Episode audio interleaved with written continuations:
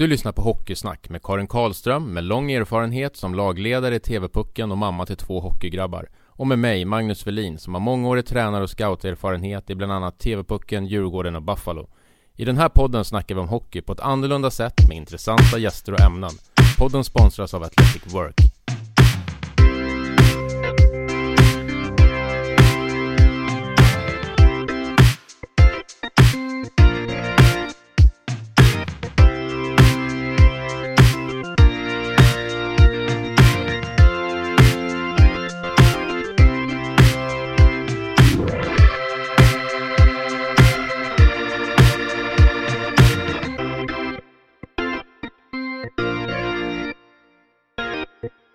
Idag ska vi tala med Gabriel Landeskog och det som är slående det är att det är så många som anser att han är en självklar ledare och med allt vad det innebär. Och det är det här vi ska tala om idag, ledarskapet. Så välkommen Gabriel! Ja, tack så mycket! Fint, fint intro. Jag, kul, kul att jag får vara med. Jag har bara gjort en podcast tidigare så det är jättekul. Ja, vad kul att vi var så här snabba då. Bara, bara en fråga om, eh, säger man Gabriel eller säger man Gabbe? Ja, vilket som fungerar absolut. Eh, mamma och pappa föredrar nog Gabriel, men, men, eh, men egentligen alla andra säger nog Gabbe. Det har väl blivit lite så, det är helt okej för min del. Det, så det, Gabbe kan ni köra på, det är inga problem. Okej, okay, bra. Då börjar vi med en ganska stor fråga. Och det är, vi ska ju prata om ledarskap och då är frågan till dig. Hur skulle du berätta eller prata om ledarskap? Vad är det för dig? Ja, det är alltid en sån stor och laddad fråga. Så det, eh, jag vet, alltså, för, för, mig är det ju någonting som... Eh, dels så tror jag att man är, man är född med någonting, men, men också att man, att man jobbar på det och att man blir bättre på det. Eh, och, egentligen vad man är född med, det, det, kan, det är väl svårt att förklara egentligen. Men, eh, men för min del var det väl någonting att, jag vet inte, omtyckt när man var yngre och sådär. Och, och liksom hade, hade lätt att prata med folk och rätt utom, utåtgående sådär och, och kunde vara rätt social av mig som barn skulle jag vilja säga. Och, och när jag kom till hockeyn så tror jag väl egentligen att det var min, kanske liksom mitt, mitt hårda jobb och min vilja som, som eh, som kanske speglade av sig att liksom, folk kanske trodde att jag var en ledare eller såg mig som ledare på så sätt. Sen när jag var yngre så var det ju en annan sak. Då, då liksom körde man ju på och jag var ju rätt liksom pratade ju rätt mycket i omklädningsrum och i bås och, och lite peppade på så. Men det, det har väl ändrats över tid ska jag säga. Eh, och man, är, man har väl insett ju, ju längre man har kommit och, och ju mer tid som har gått att man behöver inte alltid vara den som pratar mest. Och nu är det väl dessutom nu är det väl lite liksom tvärtom. Att, uh, jag säger väl fortfarande saker när jag behöver och liksom håller möten och sådana saker. Men, men uh, för mesta delen på den, på den nivån där jag är på nu så, så ska man inte behöva pusha allt för mycket. Utan nu, nu är man inte motiverad att spela på den här nivån då, då är det ingenting riktigt jag kan säga för att, för att få igång någon, någon så. Men, men ledarskap för liksom sammanfatta Jag vet inte, någon som, någon som går i bräschen, någon som eh, någon som vill få med sig kompisarna, lagkamraterna eller, eller vad det än är. Eh, och, liksom, och få med gänget och dra åt ett och samma håll. Och det är väl någonstans det det handlar om. Och, eh, och, och, att ibland liksom, när, när det kommer till proffshockey måste man vara den här bal, liksom balansgången mellan tränarna och, och laget. Då. Och det är väl det någonting som, som jag fortfarande jobbar på nu, idag ska jag säga. Utan det, det är ingenting jag tror att jag man, man blir en perfekt ledare eller så här över en natt. Utan det är något man, man alltid får jobba på, tycker jag. Kul. Du säger ju själv det lite grann att du var en ledare redan i, i unga år. Var det någonting som, som du kände själv då, även fast du kanske bara liksom var dig själv och, och hade det här drivet och pushade andra och tog för dig? Eller var det mer att, att ledare och folk runt omkring dig sa att du var en bra ledare och att det liksom pushade dig att fortsätta vara den du var, eller? Ja, lite både och skulle jag säga. Eh, dels så fick man väl höra kanske rätt tidigt och eh, jag fick vara kapten i Hammarbys pojklag i våra 92-kull där, rätt tidig ålder. Eh, och, och helt plötsligt att, att få ett C på bröstet vid så tidig ålder gör väl att man någonstans läggs i ett i ett fack så att säga att man, man, eh, att man ska vara den som går i bräschen. Och, det, och jag på något sätt gillade den, den rollen och jag tyckte det var kul och jag tyckte det var, jag gillade det ansvaret på något sätt.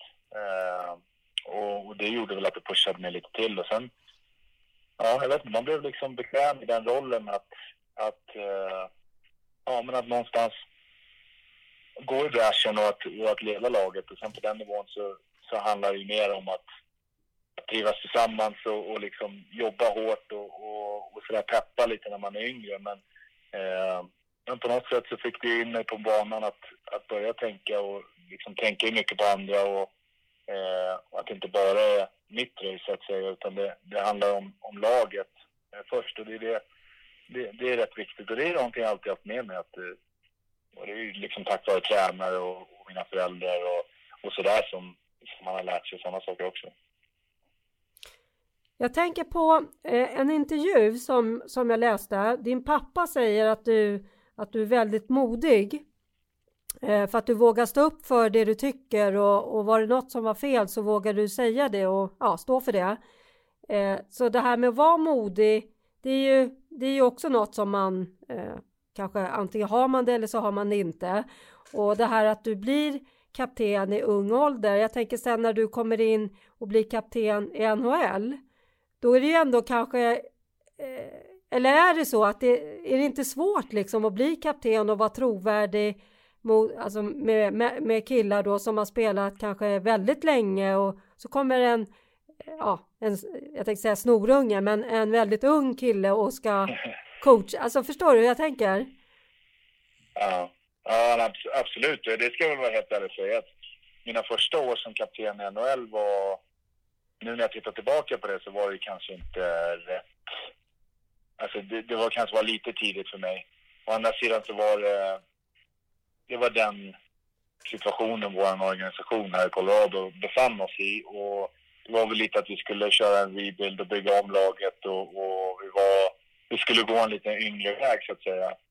Eh, och då tyckte de väl att jag, jag var den killen på jobbet. Och, men, men då var det ju, ja det kändes, det är lite som du säger, det kändes lite lite konstigt ibland när jag skulle hålla till exempel spelarmöten och jag hade spelat en säsong och så satt jag där med liksom Milan Hejduk och eh, Paul Stasny som hade spelat ungefär 10 säsonger, 10-15 säsonger i, i ligan redan. Och, men, men, killarna var väldigt, eh, liksom, de hade stor förståelse för vad jag gick igenom också och vad, att jag varit satt i den rollen och, och de hjälpte mig mycket och det var väl egentligen det som, kommer ihåg när jag när jag fick förfrågan om att vara kapten i Colorado här och, och, och som jag sa, jag hade ju liksom bara spelat en säsong och jag visste ju knappt själv vad jag gjorde. Eh, och sen få det ansvaret. Eh, jag kommer ihåg att jag ringde min pappa precis efter och han liksom tyckte att det var jättekul och så. Och det var ett stort ansvar och en stor ära så. Men, men han sa det att du, de valde dig som kapten av en anledning. Eh, för att du är du och du, det finns ingen anledning att, att, försöka vara någon annan. Och så jag sa det rätt tidigt, även utåt, att jag, ska, jag kommer inte försöka vara liksom Joe Sakic som var kapten här i Colorado länge eller kommer inte försöka vara Niklas Lidström eller, eller någon annan utan, utan jag vill ju vara mig själv och det har ju någonstans gjort att, att jag har funnit det här, den här tryggheten i mitt ledarskap eh, samtidigt som jag fortfarande vill utvecklas. Jag, jag har varit ärlig med det från första början att Eh, jag kommer nog inte vara den perfekta kaptenen och, och, det är nog svårt att bli det också. Men, men jag försöker bara vara, vara mig själv och, och göra mitt bästa. Och, och, och, det tror jag folk ser också, att jag är äkta och jag försöker vara äkta och, och inte sätta på någon, någon, någon, mask och försöka vara någon annan. Ja, det där är bra. Det är viktigt tror jag. Du säger ju, om vi går tillbaka till bara skillnaden från ditt ledarskap när du var yngre till det ledarskapet som du, som du har i NHL så, så är du inne själv på att som yngre så får man mycket så att driva och pusha och peppa sina lagkamrater och sådär. Men det är ju inte därför du är kapten kanske i Colorado idag. Utan, och du säger det blir som en länk mellan tränarna och laget. Eh, såklart mycket med, med massmedia och sådär. Men vad skulle du säga är vad är liksom den största rollen för dig eller uppdraget för dig som kapten i Colorado? Nej, men det är någonstans allt, allt det där som du säger att såklart att eh, att få vara det ansiktet som, som ska vara på tv varje kväll efter matchen när man har förlorat sex raka eller när vi spelade säsongen 16-17 var vi väl historiskt dåliga. Eh, och då, liksom, då finns det liksom ingenstans att gömma sig. Och det, och det är någonstans så jobbigt som det var så, så tror jag att man uppskattar när det går bra istället. För då liksom glider man bort från omklädningsrummet och så låter man de andra killarna prata med media istället. Och, och eh, jag har inga problem att stå där och liksom ta de tuffa frågorna. Det, det är på något sätt... Jag drömde om som liksom 6, 7, 8-åring att få spela NHL och, och hade liksom affischer på, på Colorados lag och Detroits lag uppe i mitt, man, eh, mitt rum i Älvsjö där jag växte upp. Då. Så det var en stor dröm och, och då att det här kommer med jobbet, det, det är bara en del av det. Men den stora skillnaden är väl att du är ansiktet liksom. Du, är, du bär det här ansvaret även när du är hemma eller när du går på stan eller det, det ansvaret är ju att du är på något sätt ansiktet utåt för laget och, och, och sådär. Och sen såklart balansgången och hålla, hålla konversationen mellan tränarrummet och, och vårt omklädningsrum och, och försöka hålla den liksom så sund som möjligt. Och, och ibland när det går dåligt då, då kan det vara svårt att gå in och, och prata med tränarna om vad det som försiggår i omklädningsrummet eller vad, vad grabbarna tycker och tänker och träningsupplägg och liksom allt möjligt. Sen är det klart det finns lite... Kommer ihåg i början när jag var kapten, då skulle man ju vet inte hur mycket man, man gör sånt här hemma, men här är det ju rätt vanligt att man håller spelarmöten, liksom players only meeting. Så det blir ju att eh, då helt plötsligt, då, då blir det någonstans, det är kaptenens jobb att hålla det mötet och prata om när, när det går dåligt, vad, vad måste vi liksom förbättra, vad, även när det går bra, liksom, var, varför är vi bra och sådana saker. Och det, jag var väl egentligen inte så bekväm i den rollen och, och kanske inte egentligen så, så bekväm idag heller, men det är någonting man blir bättre på. Och, och det, det sitter någonstans i det som jag pratade om tidigare att så länge jag är äkta och folk ser att jag är äkta eh, då, liksom, då har folk förståelse för att man kan stå där uppe och stamma framför gruppen eller vad det än kan vara. Eh, jag tror alla kan känna igen sig lite i det där. Så att, eh, ja, men det kommer ju återigen tillbaka till att vara sig själv, tycker jag. Bra. Och där kan det också, jag tänker, det måste vara jobbigt att liksom hela tiden känna att man ska vara det här bra föredömet och reko-killen hela tiden. Både gentemot ja, mot laget men framförallt utåt och sådär också. Det måste ju finnas perioder där du känner att nu har inte jag varit helt hundra här. Kän, har du sådana perioder och känns det? Hur hanterar du det? Jo, men det, det har absolut funnits och, och det blir någonstans att eh, det är väl någonting man har jobbat på senaste tiden att så pass mycket man ändå tänker på laget och man, man vill att laget ska gå bra men, men någonstans så jag går inte ut varje byte och säger att jag hoppas att våran liksom, jag hoppas att vår kedja är ett bra byte eller jag hoppas att våran lag är ett bra period eller liksom där. Utan det blir någonstans, du måste återgå till dig själv. Även fast hockey är en lagsport eh, så måste du se till att du spelar bra och din prestation är alltid liksom på topp. Och, och någonstans för mig har det varit att falla tillbaka till, även om det liksom går igenom en tuffare period, vare sig mål eller poängmässigt eller laget går tungt, men, men mitt jobb, mitt hårda jobb måste alltid vara där. Och, och det är någonstans kravet jag har på mig själv att, att så länge jag kan komma hem och liksom titta mig själv i spegeln och säga att jag, eh, jag gick stolpe ut ikväll eller liksom jag, jag var inte särskilt bra ikväll men, men jag jobbade hårt, jag slet och liksom gjorde det jag kunde. Eh, då kan jag känna att jag, jag i alla fall har, har, har, gjort mitt jobb och sen får man gå tillbaka och, och, se vad det var som inte fungerade och vad man kan förbättra. Men, men, men det där hårda jobbet, det har nog alltid funnits hos mig ända sedan jag var liten. Eh, och, och, det är någonting som, är, som jag tycker är väldigt viktigt för, för, mig, för mig som spelare i alla fall. Eh, så att, eh, men det är klart man går, man går igenom tuffare perioder och, och, och, det är inte lätt. Men då får man prata med folk och och på något, på något sätt liksom, vare sig man pratar med, med lagkompisar eller pratar med min pappa eller mamma eller, eh, eller andra folk som man har spelat med tidigare, liksom mentorer, det blir att eh, ja, man kan ta lite hjälp och liksom egentligen bara känna det stödet. Och det, det tror jag är viktigt att visa att man har eh, den mjuka sidan också.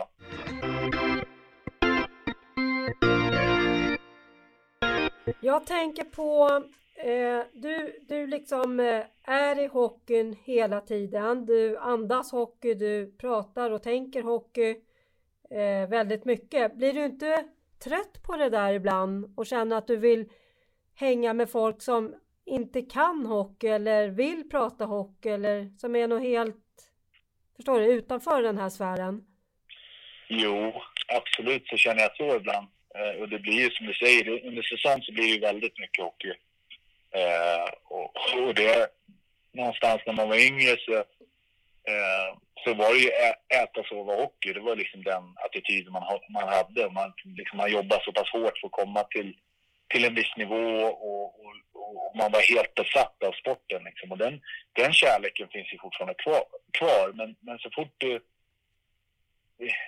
Jag hoppas inte jag skrämmer någon sådär, men, men när det blir ens jobb och och helt plötsligt tjänar man stora pengar för att göra det här man, man älskar. Och helt plötsligt så det svänger lite att det blir liksom, det blir ett jobb helt plötsligt. Och, och då är det klart man vill komma bort från det ibland. Och det, jag har alltid varit rätt noga med att försöka stänga av eh, vare sig det är liksom under sommaren, sommarmånaderna liksom sådär i, i början på off-season att man, man, man stänger av hockeydelen av hjärnan så och försöker umgås med kompisar bara och, och, och, familj och, och spela golf och sådär bara för att komma, komma bort.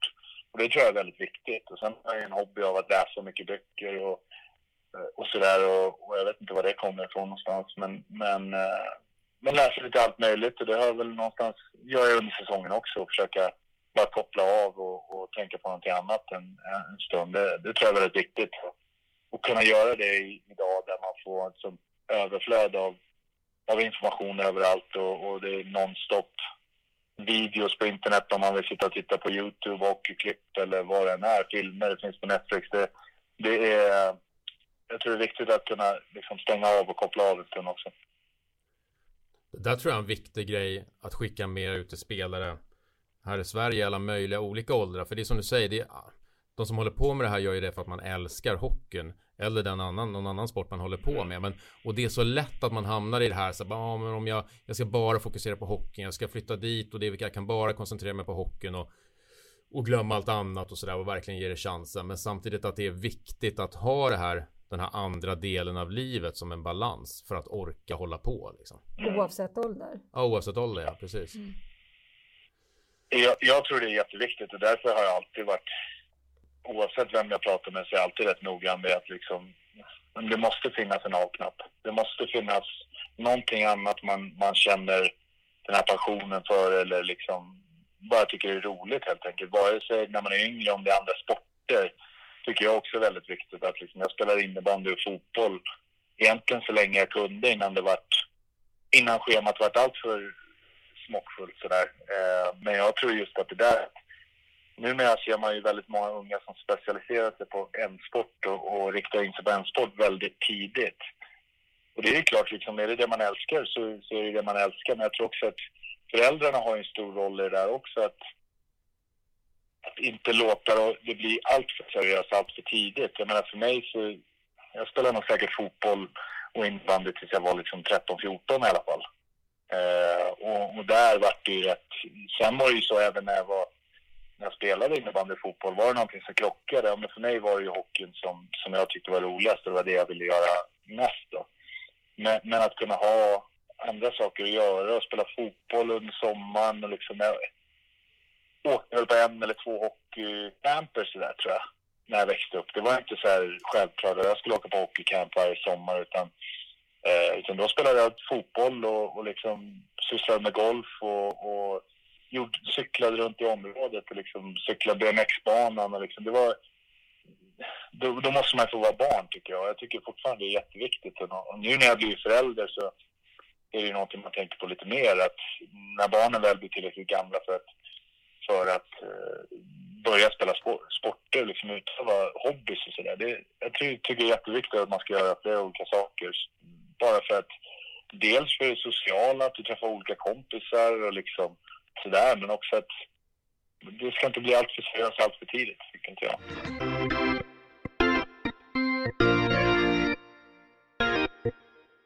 Vi är sponsrade av Athletic Work Athletic Work är ett bemanning och rekryteringsföretag som hjälper personer med någon form av idrottsbakgrund på alla nivåer. Från idrotten får man med sig goda egenskaper som är viktiga på arbetsmarknaden. Viljan att vara bäst och prestera sitt yttersta på tävlingsplanen, som på arbetet, är det mål som Athletic Work och deras konsulter strävar efter. Athletic Works vision är att skapa ett idrottslag på arbetsmarknaden. Det har idag hjälpt flera personer ut på arbetsmarknaden och av egna erfarenheter vet jag att kontakt med Athletic Work faktiskt leder till jobb. Så om du letar efter ett nytt jobb, tveka inte att höra av dig på www.athleticwork.se. Tack Athletic Work!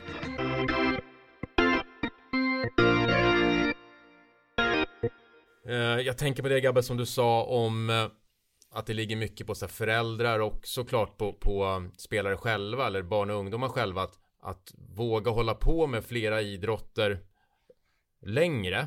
Och det säger ju nästan alla som liksom har kommit någonstans om man säger så. Eh, och alla är väl egentligen överens om att det är viktigt. Men jag tror också att det ligger hos föreningar som, som många gånger tvingar spelare att faktiskt välja en idrott. För att om man säger hockeyn så är det med så att vi vid en relativt tidig ålder tror jag så blir det så att vi ska träna så här många gånger i veckan och, och har du inte den här träningsnärvaron, ja då får du inte spela match. Men det är ju liksom fotbollsträning samtidigt eller innebandy och så att, och där tror jag att man kanske tvingar från olika håll, både hockeyns håll och säkerligen från andra idrotter också. Det... Ja men absolut och jag, ty jag, tycker det, jag tycker det är jätteviktigt eh, som du säger att och jag kommer ihåg när vi var yngre, jag kommer inte ihåg exakt hur gamla vi var men det var väl någonstans där tidig liksom ja, men, om det var 11, 12, 13 kanske någonting. Med Bayerns 92 år så just för att de tyckte det var viktigt att vi kom ur liksom skridskorna och ur ishallarna. Så på sommaren så organiserade de att klart att vi är ett fotbollslag. Eh, och, och, bara för att liksom få en annan typ av träning och en annan typ av... Och, och det var ju några av grabbarna som liksom tyckte fotboll var jätteroligt och började spela sen eh, organiserat igen på, på egen hand. Så att, Eh, så vi spelade där några, liksom ett gäng matcher under sommar och, och, vi tyckte det var jättekul. Och, och, och, jag tycker också att det, det ger så mycket att få göra någonting annat. Att, och, och, och då få komma tillbaka i ishallen sen efter att ha spelat liksom, fotboll hela sommaren. Men då känner man det här, ja men fasen vad kul, nu börjar det bli höst igen, nu är det dags för hockey. Och, det, blev ett helt nytt liksom, nytändning helt plötsligt på hösten där. Än om att du ska, du ska snöa på dig skridskorna hela sommaren och, och, och helt plötsligt sen, sen när du kommer in i liksom oktober, november, då är du lite halvless på hockeyn. Men det, det tror jag gör att många helt plötsligt slutar. Eh, för att de satsar för hårt för tidigt på en och samma sak. Så att, eh, ja, jag tror att det är viktigt ja, det är bra. Det ska att, hålla över tid. hålla dörren öppen så länge man kan. Mm, jättebra. Mm. Jag är lite nyfiken på det här med eh, din, din eh, ledarinsats, har du någon insats som du känner det här är jag riktigt, riktigt stolt över? Hur, hur jag verkligen kunde göra skillnad? Du tänker på mitt ledarskap inom ishockeyn sådär? Ja, eh. eller där du, där du tycker att, att eh, du på, på ett ledarplan har gjort skillnad. Det behöver inte vara hockeyn. Ja, eh, alltså jag vet inte om det man känner ju, jag känner i alla fall inte att så här, nej men ikväll vann vi som lag, det var tack vare mitt ledarskap eller i år hade vi en bra säsong, det var tack vare mig. Så känner jag aldrig nog. Eh, sen kan jag ju känna så här liksom, ja, men att ja, men gruppen känns väldigt trygg. Gruppen känns som att de alla liksom gillar varandra, vi umgås mycket vid sidan av isen och, och så. Då är man mer stolt över det tycker jag. Och att liksom ha ett funktionerande eh, ett funktionerande omklädningsrum istället för att liksom, ja, men, vi vann si och så många matcher. Eh, det tror jag talar mer för ett ledarskap än, eh, än kanske prestationen. Sen ska vi inte liksom sticka under stolen med hur viktig prestationen är i det jobbet som jag har. Eh, det är ju liksom... Ofta är det ju mycket liksom vinna. Det är, det är ju ett, eh, en, en sport som utgår på att man, man ska vinna. Det är liksom där drivet kommer ifrån. Men, men eh, om man tar säsongen 17-18 till exempel, då hade vi precis kommit ifrån den här säsongen 2016-2017 som var historiskt dålig. Det var sämsta vår lagstatistik. Vi hamnade väl på minst antal poäng sen 04-05 eller något sånt tror jag. Eh, och det gör ju att då helt plötsligt där i slutet av den dåliga säsongen så känner man sig, då börjar man fråga, det var så pass dåligt så att man börjar ifrågasätta sig själv. Och som spelare men också som liksom, kapten. Eh, vad är det jag gör fel? Vad är det som inte fungerar? Eh, men då säsongen efter så, så hade vi en fantastiskt bra trupp och vi fick in många unga killar som var hungriga. Det gjorde att många av oss som var där redan innan kände att det liksom var helt ny, nytändning. Och då lyckades vi ta oss till match 82, sista matchen i grundserien, spelade hemma mot St. Louis då, som var i, i samma sits. Eh, och då handlade det om att det laget som vann eh, skulle gå till slutspel då. Eh, och då lyckades vi vinna eh, och det var som en... Ja, det, det, var riktigt stort för oss faktiskt, vi som var där året innan. Att, att gå från totalt eh, sågade och, och skrattade åt och liksom sådär. Det, och sen helt plötsligt ett år senare gå till slutspel när ingen hade tippat oss och gått till slutspel. Det kändes verkligen som en sån här... Vi gick som underdogs och, och, och vi verkligen kände oss som underdogs. Att, nej, men vi är ett ungt lag och vi har inget att förlora. Och då, då var jag riktigt stolt som, som kapten faktiskt att vi lyckades dra ihop det, eh, det tåget och, och, och, vi fick verkligen det att lyfta. Eh, för att här är det är så pass svårt att ta sig till slutspel som det är. Att, uh, det i sig med den, med den unga truppen vi hade var, uh, var, var en stor grej för oss helt enkelt. Det var, det var jag stolt över. Mm.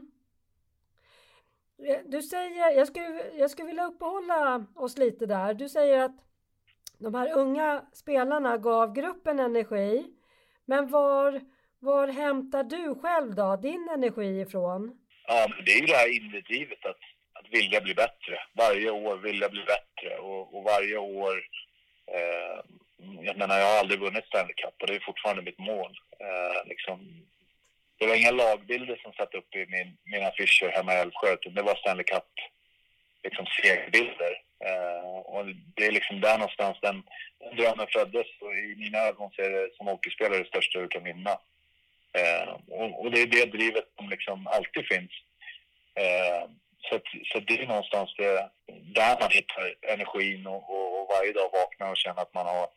Eh, eh, för det första så lever ju liksom min dröm eh, och, och, jag gör det jag älskar att göra. sen måste vi därifrån bryta ner ett mindre mål och liksom ha en bra start på säsongen och, och så vidare och ta sig till slutspel och sen, sen blir det runda för runda. Så att, och det är någonting jag inte uppnått än så att jag fortsätter att och sikta mot det. Och, och, det, ja, fram till den dagen när man står där med Stanley Cup över huvudet så, så är man eh, aldrig nöjd, tror jag. Och sen är det klart, det, det finns ju den andra delen av det också, att känna den här eh, fina pressen, skulle jag vilja kalla det, från liksom, vare sig min familj eller vänner. Eller, liksom, nu har jag ett, en dotter själv som, som man känner här, ja, men jag kallar det för, för fina pressen, att du, du har den här pressen hemifrån att Eh, det är ju någonstans eh, de jag försöker liksom försörja och, och se till att de är stolta över mig. Och, och liksom, jag, jag vill att liksom min pappa och min mamma ska kunna kolla på mig när jag spelar och säga att han, han jobbar hårt och, och han sliter där ute. Och, och det är någonstans är också motivation för mig, tycker jag. Och sen alla gubbarna i omklädningsrummet som liksom sliter hårt och, och uppoffrar mycket. Eh, så det, det, finns många källor av energi för min, för min egen del, kan jag säga. Mm.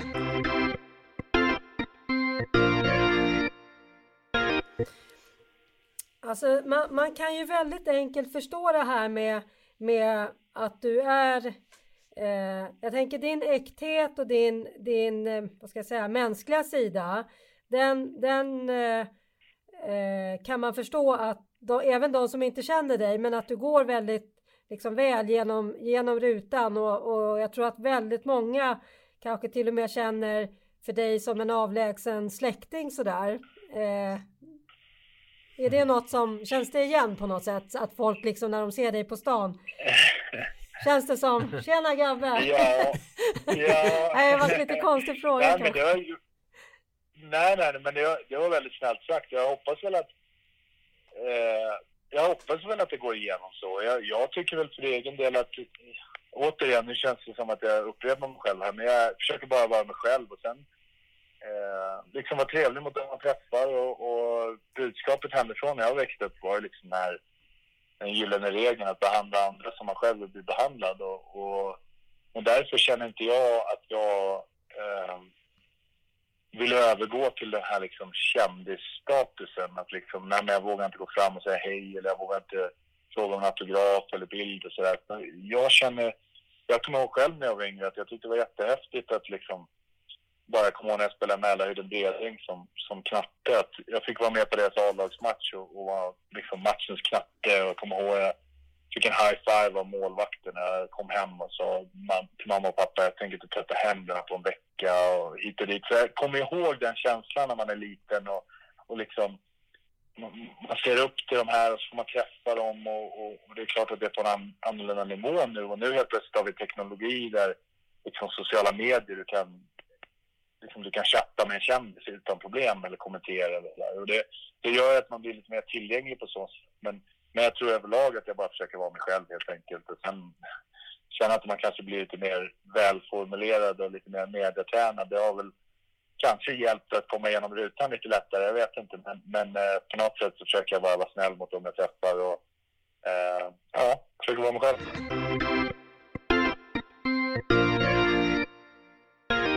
Bra, jag skulle vilja prata lite grann om, le, om eh, förebilder. Och då är det så att alla spelare har ju, och du säkert också som spelare, alltså andra spelare som förebilder. Men har du också haft andra ledare som, som förebilder, alltså inom ledarskap? Ja, en bra fråga. Eh, det har jag absolut. Och liksom den inspirationen från lite överallt. Men i och med att jag kan lättast relatera till hockeyspelare eh, så har det blivit lite att man har tittat på sådana. Eh, vare sig liksom Zetterberg eller Kronwall som spelar i Detroit. Kronwall har jag lärt känna på, på rätt bra nivå på sidan av isen också i och med att jag trän, vi tränat tillsammans i Stockholm ett, ett antal år. Och, eh, och det gör ju, Kronwall till exempel är en jättestor förebild för mig och liksom sättet han han eh, liksom bär sig själv på liksom hur, hur han bemöter folk och Eh, och vad han, hur han kräver saker från sina lagkamrater. Och, eh, därför tycker jag det är häftigt att spela i Tre Kronor bland annat. Och vare sig det var OS 2014 till exempel. Eh, I Sochi så Affe var med Alfredsson och, och jag kommer, kommer egentligen aldrig glömma den situationen när jag jag hade väl en rätt tuff match där, jag kommer inte ihåg vilka vi spelade mot. Jag tror det var kanske Slovakien eller något sånt eh, och jag kommer ihåg, vi hade en tuff period som lag och det var ingen som riktigt... var mass, vi tappade massa puckar i mittzon och så kom jag en liten envis 21 eller 22-åring och försökte väl dra någon gubbe på blå linjen och då Affe liksom bara sa till mig på hårt men rättvist sätt båset bara liksom. Lägg av med det där liksom. Se till att pucken kommer in djupt och det var liksom... Och för, för mig var det, det är sådana situationer som som eh, som man bär med sig och, och egentligen bara bra exempel på att det behöver inte vara svårare än så.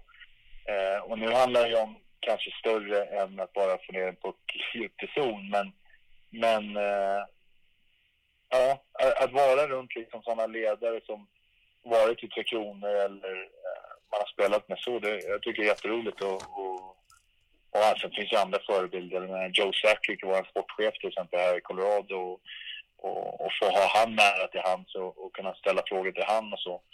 Eh, det har ju varit jättelärorikt också. Eh, så att eh, ja, det finns en hel del. Och sen, sen är ju internet ett bra ställe att kunna hitta information och läsa artiklar om och liksom se filmer eller läsa böcker. Så att eh, försök ta information överallt och lära sig lite allt möjligt från, eh, från andra killar som har gått egentligen samma fotspår. Bra. Jag tror att för då, då kan man ju jag tänker då, då har du tagit inspiration och, och, från, från andra förebilder och sen så säger du ju ändå flera gånger om att du, att du är dig själv och att hitta den, att du hade hittat ditt ledarskap men ändå plockat lite grejer från andra sådär. Kan man säga att det är så? Ja, men, ja absolut. Jag tror det är den balansgången man måste gå tror jag. För om, man, om jag bara skulle säga att jag får bara vara mig själv och, och liksom sätta på hörlurar och bara öron, liksom, heter skygglappar och bara köra mitt race. Ja, men då någonstans så, för mig så handlar det om att vara öppen och, och ärlig och fortfarande ställa frågor och, eh, och ifrågasätta olika beslut. Så där kan man göra eh, för att liksom lära sig. Eh, och, och bara för att jag tar inspiration av ja, Kronwall eller Alfredsson eller Zetterberg eller vem den är så, så betyder inte det att jag försöker vara som dem utan bara ta inspiration och, och lära sig egentligen. Ja, det är bra. För det här skulle jag vilja ta, vi pratar, det blir mycket som spelare nu, men det här tänker jag att det är jätteviktigt att, att man tar till tränare också. För nu är det ju jättelänge sedan som jag började som tränare, men jag hade en jättebra förebild nära mig i det laget som jag tränade på den tiden och som jag fortfarande som ledare tänker på hur, hur, skulle han agera i den här situationen och hur, hur var han som människa mot andra människor och sådär. Men, och jag tänker att idag har tränare många gånger lika bråttom framåt och i karriären som spelare har och hittar liksom inte riktigt sitt eget ledarskap utan man kanske plockar från andra eh, och så hittar man inte riktigt sig själv. Eh, så det, mm. det är jätteviktigt, inte bara som spelare utan även som ledare att det är en lång väg att gå och man måste hitta sig själv liksom och sitt eget mm. ledarskap i det. Det tror jag är viktigt. Absolut. Ja, håll med.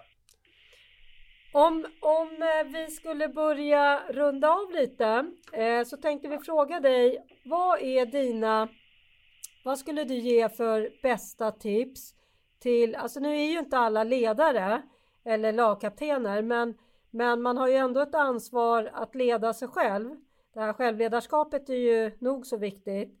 Men vad skulle dina tips vara till eh, killar och tjejer som eh, håller på med lagidrott? Ja, nej men just att, att, att, våga, att vara modig på det sättet, att, att, att våga eh, köra sitt race inom en lagsport, eh, att våga finnas där för lagkamrater, eh, att våga visa sin liksom mjuka sida, om man ska kalla det det. Eh, det tror jag är jätteviktigt och sen liksom Eh, att hitta sig själv känns det så. Alltså för mig, för mig så liksom återgår jag till mitt hårda jobb och liksom, jag var aldrig liksom, jag var aldrig den bästa skridskoåkaren när jag var yngre. Jag var aldrig den som sköt hårdast eller hade bäst teknik utan för mig så liksom, jag hittade någonstans min styrka i att vara bra på egentligen allting och försöka vara liksom så bra jag kunde på allting. Eh, och jag liksom, det vart ju för mig min styrka och jag tror fortfarande än idag har varit att jag kan vara liksom, jag kan spela lite överallt på isen. Jag, liksom, jag kan spela powerplay eller boxplay eller hjälpa till överallt. Och, det, och, och jag tror att det, det, har gjort mig till en mer välrundad spelare och även som person. För den attityden har jag med vid sidan av isen också.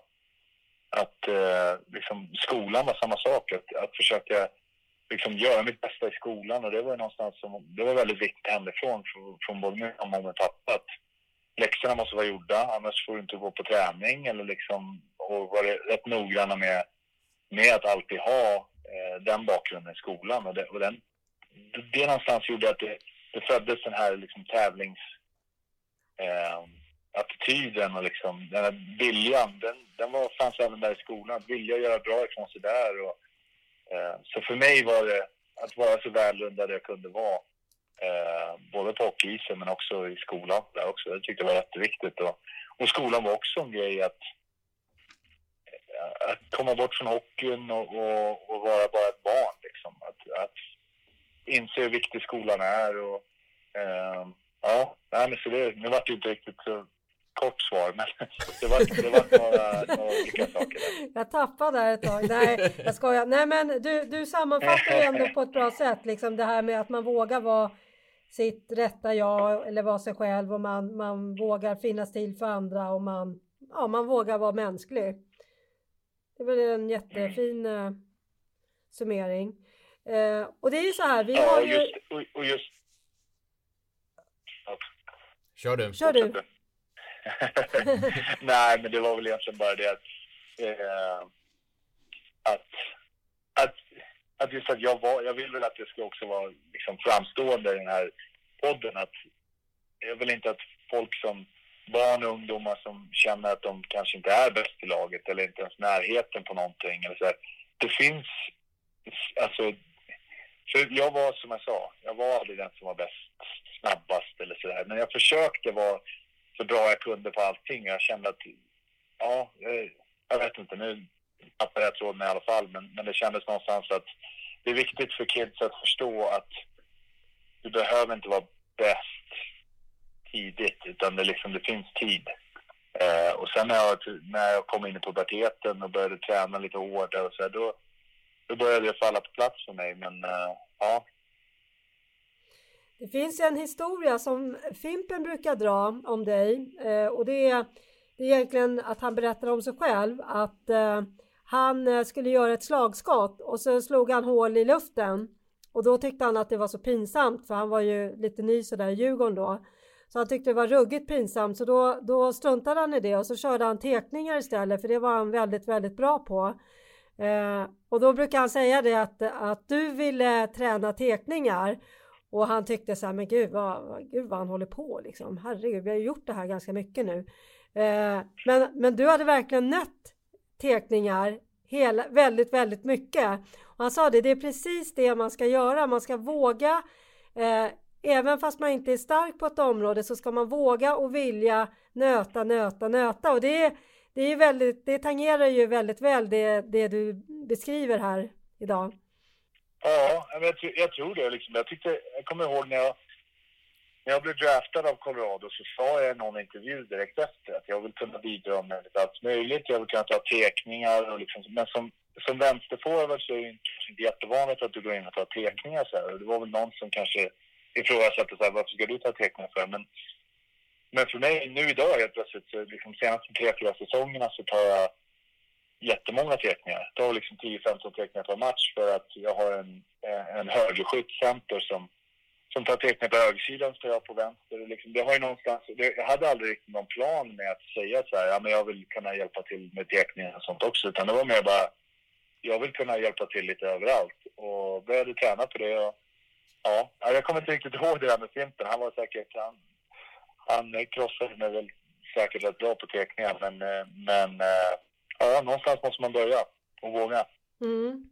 Bra Gabbe, vi börjar närma oss slutet här nu. Och du har ju fått lite, lite förhandsinfo om att fundera över någon, någon gäst eller ett ämne som du skulle tycka var intressant att, att lyssna på i den här podden. Har du kommit fram till någonting? Oj, oj, oj. Ja, jag hade ju funderat på det här, men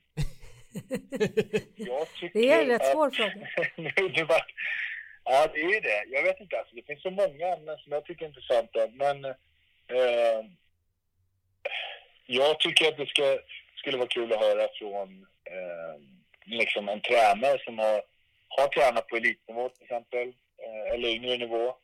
Eh, och få höra hur de tänker kring sina spelare och hur tränare på elitnivå till exempel går igenom en tuff period Eh, och sådana saker, för det är någonting som eh, jag tror att det är viktigt för både spelare men även föräldrar och andra tränare att höra. Eh, för just det här, det, det, blir så... Det är klart att det blir jättestor press på, på tränare så här, men, men när man är, pratar ungdomshockey så den pressen ska nog inte komma från föräldrar, tycker jag. Eh, och därför tycker jag att det skulle vara viktigt att höra från en tränare eh, hur man går tillväga, balansera föräldrar, laget, scheman, eh, allt sånt där. Det, det, tror jag skulle vara viktigt och spännande att höra. Mm, kul. Jättebra tips. Kanon. Men Gabbe, då tackar vi dig. Det här var otroligt schysst av dig att ställa upp på det här på andra sidan Atlanten. Uh, fantastiskt stort, stort tack till dig. Stort tack till er lyssnare som har lyssnat. Ja, Absolut. Jag vill, jag vill bara tacka för att jag fick få, få vara med. Det var jättekul. Prata en stund och, och ja, det var jättekul. Hoppas att uh, ni får bra feedback och, och ja, vi kanske kan ta ett annat ämne nästa gång. Ja. Vi, någonting, vi tänkte... någonting annat. För jag, jag, jag, jag är gärna med en gång till sen. Ja, men vi tänkte utmana dig på golf sen i sommar. Vi tre spelar golf så... Vad kul! ja, jag vet ja, inte. Då får vi tävla där också, vad roligt. Ja, eller hur? det är alltid kul att tävla mot Karin. ja, det där... Ska jag, då har jag lite tid på mig vässa, vässa svingen fram till dess. Ja, ja, det krävs. I nästa avsnitt ska vi prata om något som är en het potatis i hela Hockeysverige, nämligen selektverksamhet. Hur startade den? Vilka för och nackdelar finns det? Missa inte det. Vi hörs då.